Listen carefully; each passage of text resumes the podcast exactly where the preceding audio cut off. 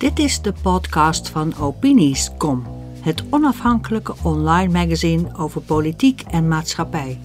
Hier komen diverse auteurs van de site aan het woord over wat hen deze dagen opvalt, ergert of verbaast.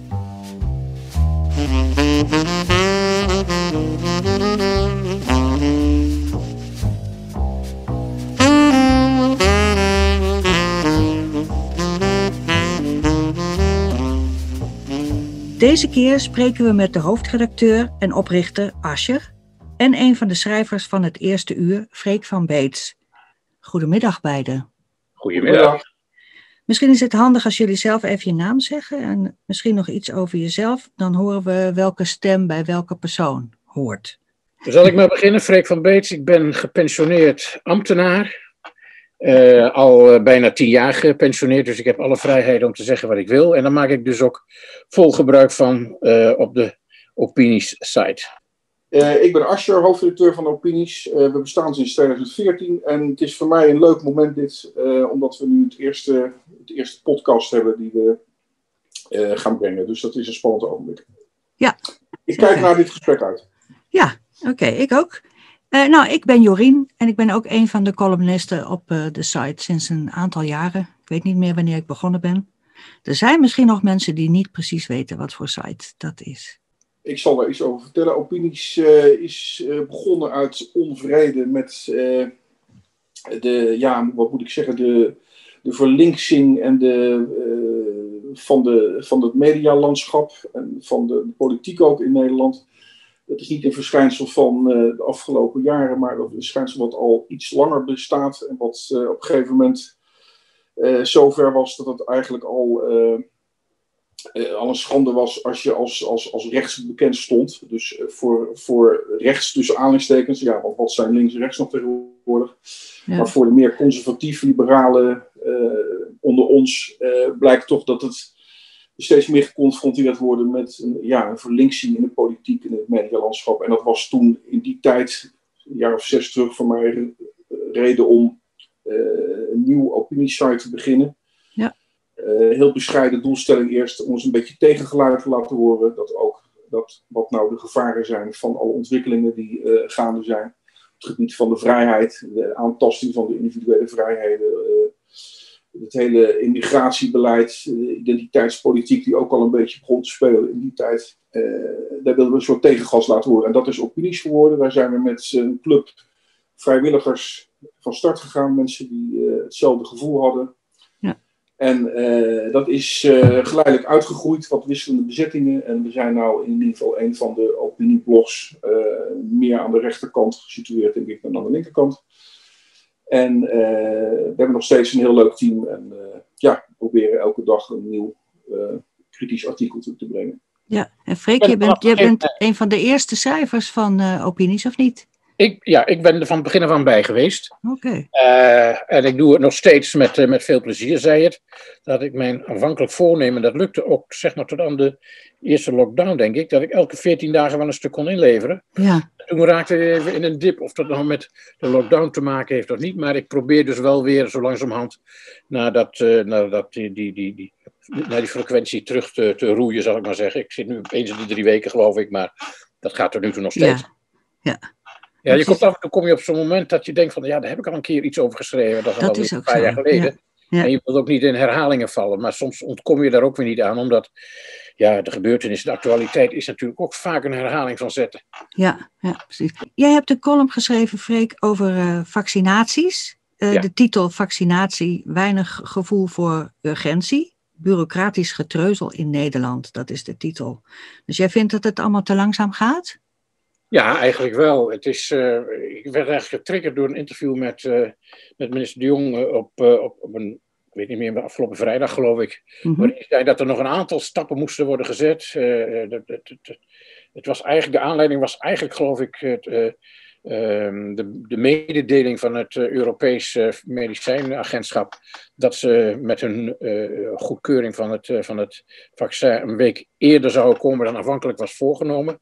En toen bleek dat het vooral kwam door druk vanuit, vanuit Duitsland. Oh ja.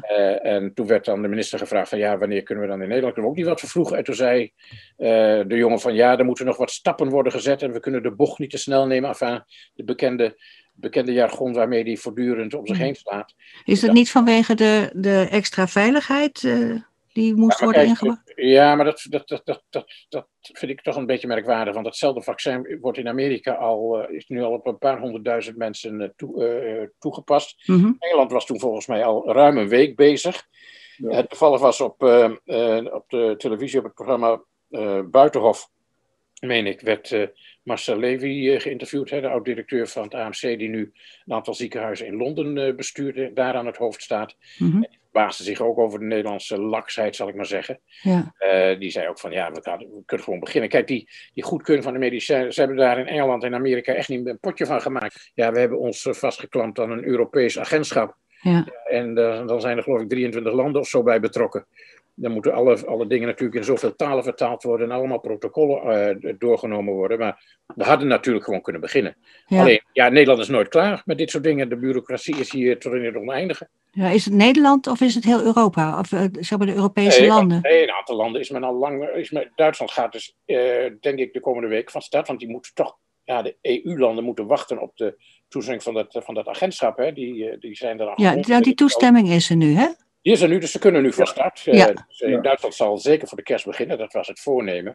Ja. Ik weet niet, eh, ik neem aan dat andere landen in, in, in de Europese Unie zullen volgen. Maar je ziet hier nu dat Engeland, die zich daar niet, niet meer aan Europese regelen stoort, die zijn gewoon alvast begonnen. Ja, dat was een voordeel van de brexit dan, zeg maar. Ja, dat wordt natuurlijk niet zo gezegd, maar eh, dat is natuurlijk wel waar. Er is, er is natuurlijk ook een, een, beetje een, een publiciteitsstunt, denk ik, van, eh, Ja. van Johnson om te laten zien. Zie je wel, we zijn nu van die Europese regels af. We kunnen het allemaal veel sneller, we kunnen het zelf doen. Maar Ja. goed, ze doen het in ieder geval. Ja. En ze hebben, geloof ik, al eh, enige honderdduizenden eh, mensen hebben inmiddels eh ingeënt. Ze, zijn, ze volgen wel een ander, andere lijn dan in Nederland. Nederland wil, geloof ik, met de eh, verzorgenden beginnen, hè, met Ja. de verpleegkrachten in de verzorgingshuizen. Ja. Engeland begint gewoon met de ouderen. Ja, en eh, Nederland doet dan weer heel ingewikkeld, want eh, ja, dat, dat, vies, dat, dat, dat vaccin dat moet in, in een nogal extreem koude temperatuur bewaard worden, 75 Oh ja. graden, Ja. nul. En dan, kan maar vijf, dan blijft het maar vijf dagen goed en dan kan er dus niet op allerlei kleinschalige locaties eh, toegediend worden. Althans, dat is dan het verhaal.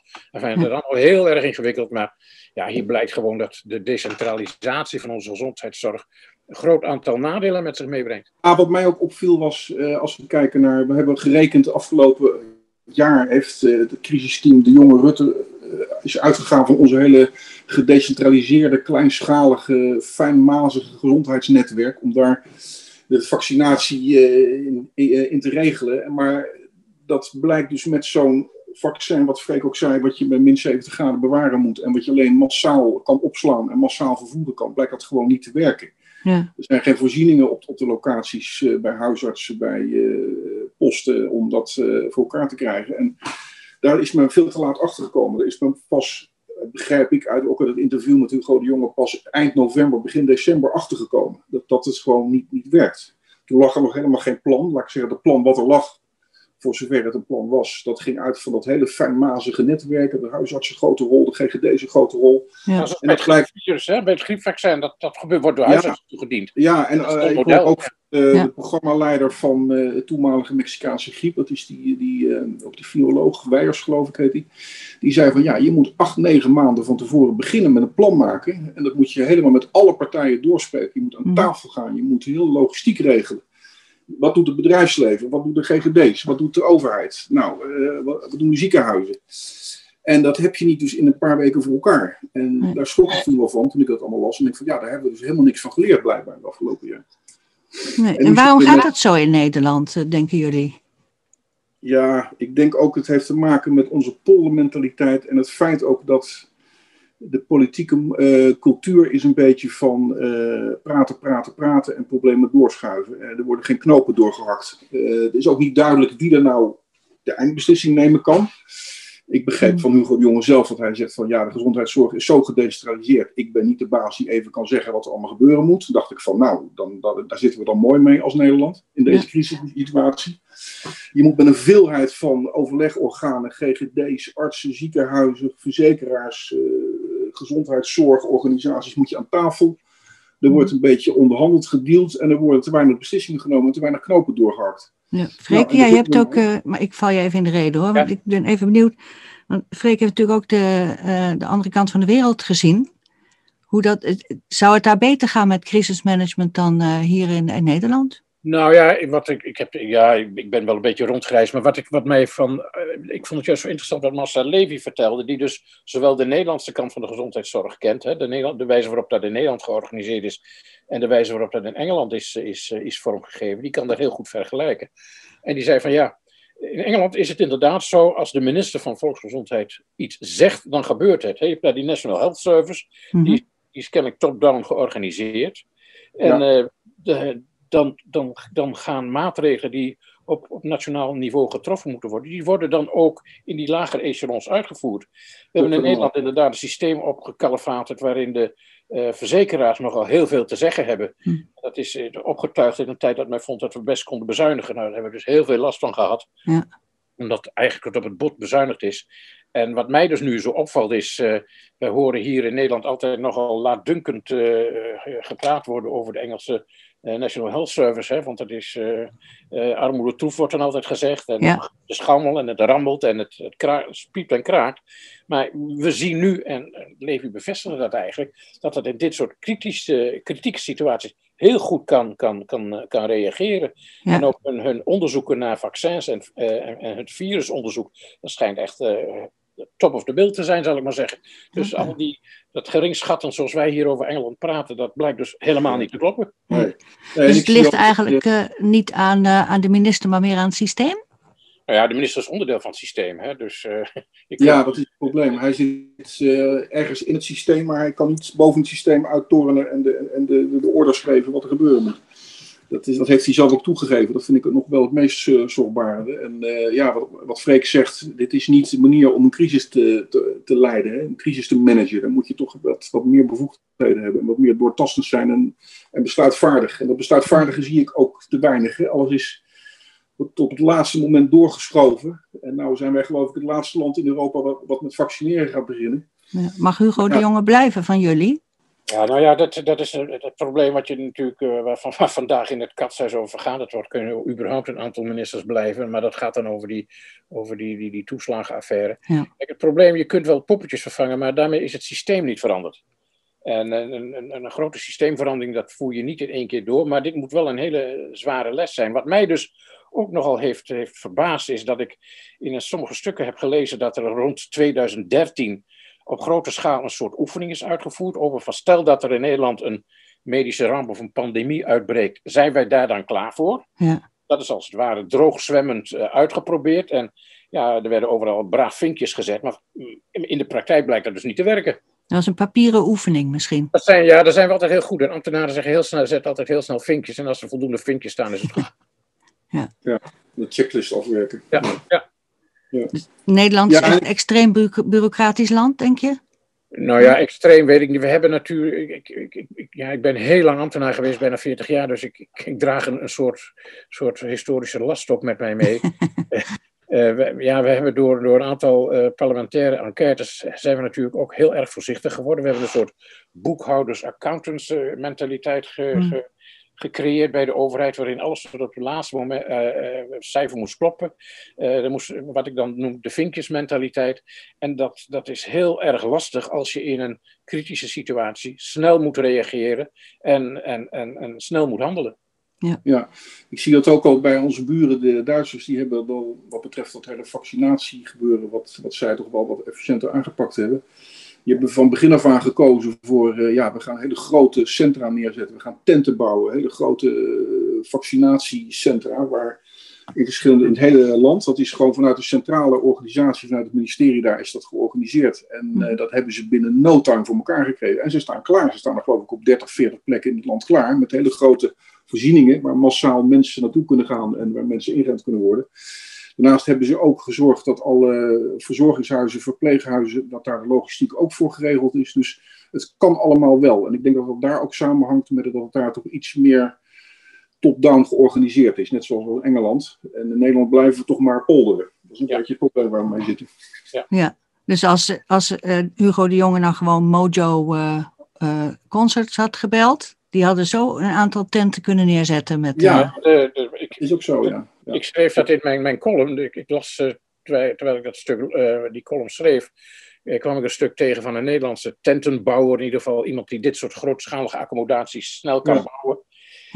Die, is, die bouwt ze in Duitsland. En die vertelde ook hoe dat logistiek geregeld is. Het is ja. Je zet niet alleen de tent neer, maar je hebt dus de intake en de controle. Dat gebeurt allemaal volgens een bepaalde routing. Van, hè, we nemen daar ongeveer een uur voor, want je moet ook nog kijken als iemand gevaccineerd is, hoe die na een uur reageert, zal ik maar zeggen.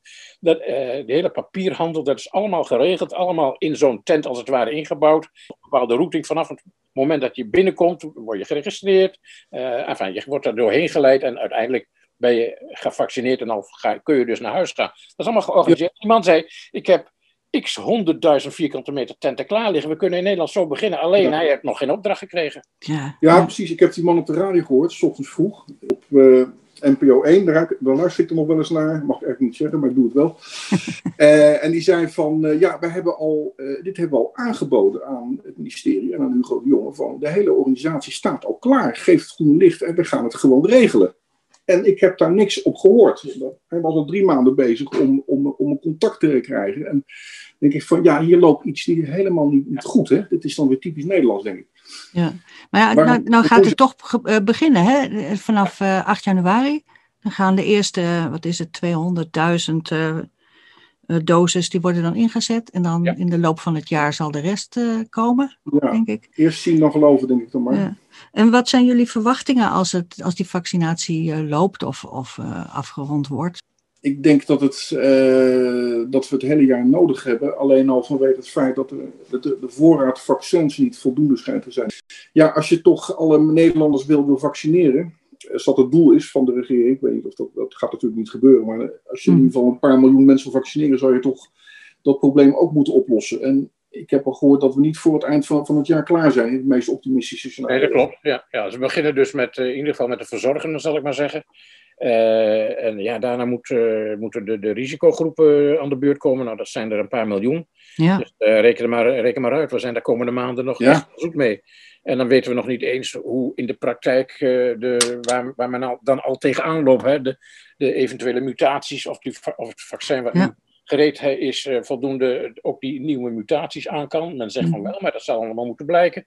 Uh, kortom, we, we, we starten een, een, proces waarvan we nog niet helemaal zeker weten hoe we daaruit komen. Maar het is in ieder geval goed dat er gestart wordt. Ja. Want je kunt de economie en de samenleving niet, niet zo lang op slot blijven houden, want dat merken we nu al.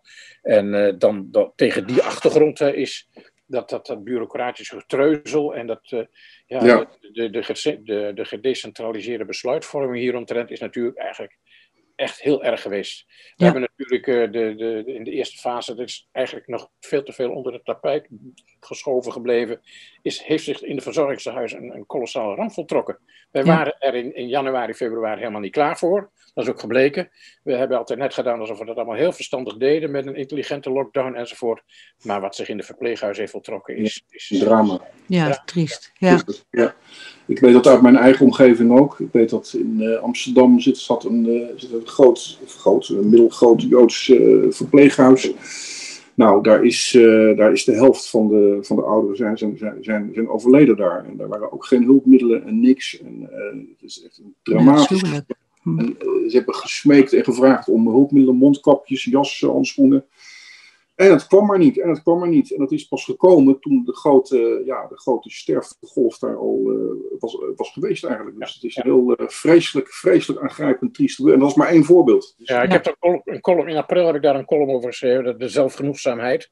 Eh, we hebben ons er echt, eh, helemaal ten onrechte door het bos geklopt dat we het allemaal zo goed deden, maar we deden het helemaal niet goed. Kijk, eh, de landen die ik een beetje heb gevolgd, zoals eh, IJsland en Israël en Duitsland en Oostenrijk en Tsjechië, die deden het ontzettend goed. Die hebben van begin af aan de grenzen meteen gesloten. Dat Mhm. heeft enorm geholpen. Maar ja, die hebben dus eh, vanaf oktober heel veel problemen gekregen. Goed, ik heb nog één vraag voordat we dit eh, ehm, afronden, dit onderwerp. Eh, dat, denken jullie dat we, weer, dat we volgend jaar weer naar het oude normaal teruggaan, dankzij die vaccinaties? Wat denk je, Freek? En ja, nou denken, laat ik zo zeggen, ik hoop het. Ik, ik denk, en ik denk het eigenlijk ook wel. Maar nogmaals, het blijft verrassen. ik vind het heel merkwaardig dat we vanuit China van, die, van de juichverhalen horen. Wuhan is helemaal open, dat functioneert ja. allemaal weer prima. Uh, we, we, hebben daar natuurlijk een hele stringente lockdown gehad. Maar wat weten we wel en wat weten we niet? Ja, precies.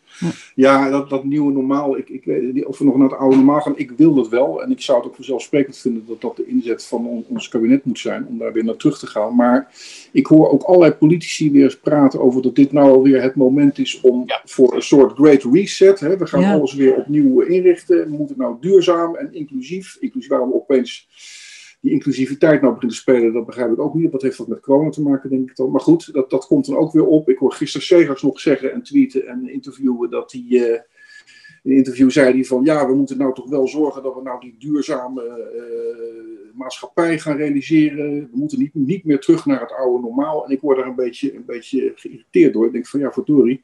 Laten we eerst eens het oude normaal proberen te herstellen. Onze economie weer aan de gang proberen te krijgen. De mensen die elkaar weer mogen zien na een jaar. Gewoon het hele sociale leven weer, weer op poten zetten. Laten we dat eerst eens doen. Dan krijgen we de verkiezingen nog. En laten we daarnaast maar, maar eens even rustig gaan kijken. Als we alles eindelijk na een jaar of twee, drie weer op de rails hebben. Of er nog ruimte is voor allemaal leuke, leuke experimenten. Ja, ik ben daar niet zo voor voor die experimenten. Maar goed, dat is dan niet het moment om dat al gelijk nu te gaan zitten doen. Want ik heb gehoord dat we uh, met een schuld van 120 miljard zitten. Wat we allemaal extra uitgaven hebben gedaan in Nederland als belastingbetaler. Ongeveer als geld geleend door de overheid. Maar dat moet uiteindelijk toch weer terugkomen. Hè, voor alle ondersteuningsprogramma's die er zijn geweest voor de coronacrisis. Mm -hmm. Nou, er is nog wel een, een klus te doen. De horeca die op apengapen dood ligt. Ja. Er moet heel veel gebeuren nog. Be bedrijven, okay, dus jij zegt liever eerst maar weer een beetje de, toch een soort oude normale Voordat we over nieuwe dingen gaan. Weer, uh, op, op, voordat we met grote blauwdrukken en plannen komen, ja, is de economie ben ik, ben ik het helemaal mee eens. Ja. Geen, ja. geen dragdromerijen. Precies. Nee. Voeten op de grond. Ja. Het is een soort, luxe, een soort luxe instelling, alsof er geen. Ja, kijk, de hele, onze hele welvaart en welzijn berust op een goed draaiende economie en dienstensector. En uh, scholen die weer open gaan, uh, horeca die draait, de middenstand die weer open kan.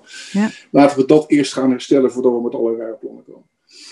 Oké, okay, nou, dan laten we dat doen. We moeten het hierbij laten, denk ik, anders wordt het een uh, iets te lang uh, verhaal. Dus uh, hartelijk dank voor dit gesprek. En succes met de site en tot een volgende keer. Yes, leuk om te doen. Dit was de podcast van Opiniescom. Opinies met een Z. Voor de nieuwste bijdragen en columns over politiek en maatschappij in binnen- en buitenland. Het is helemaal gratis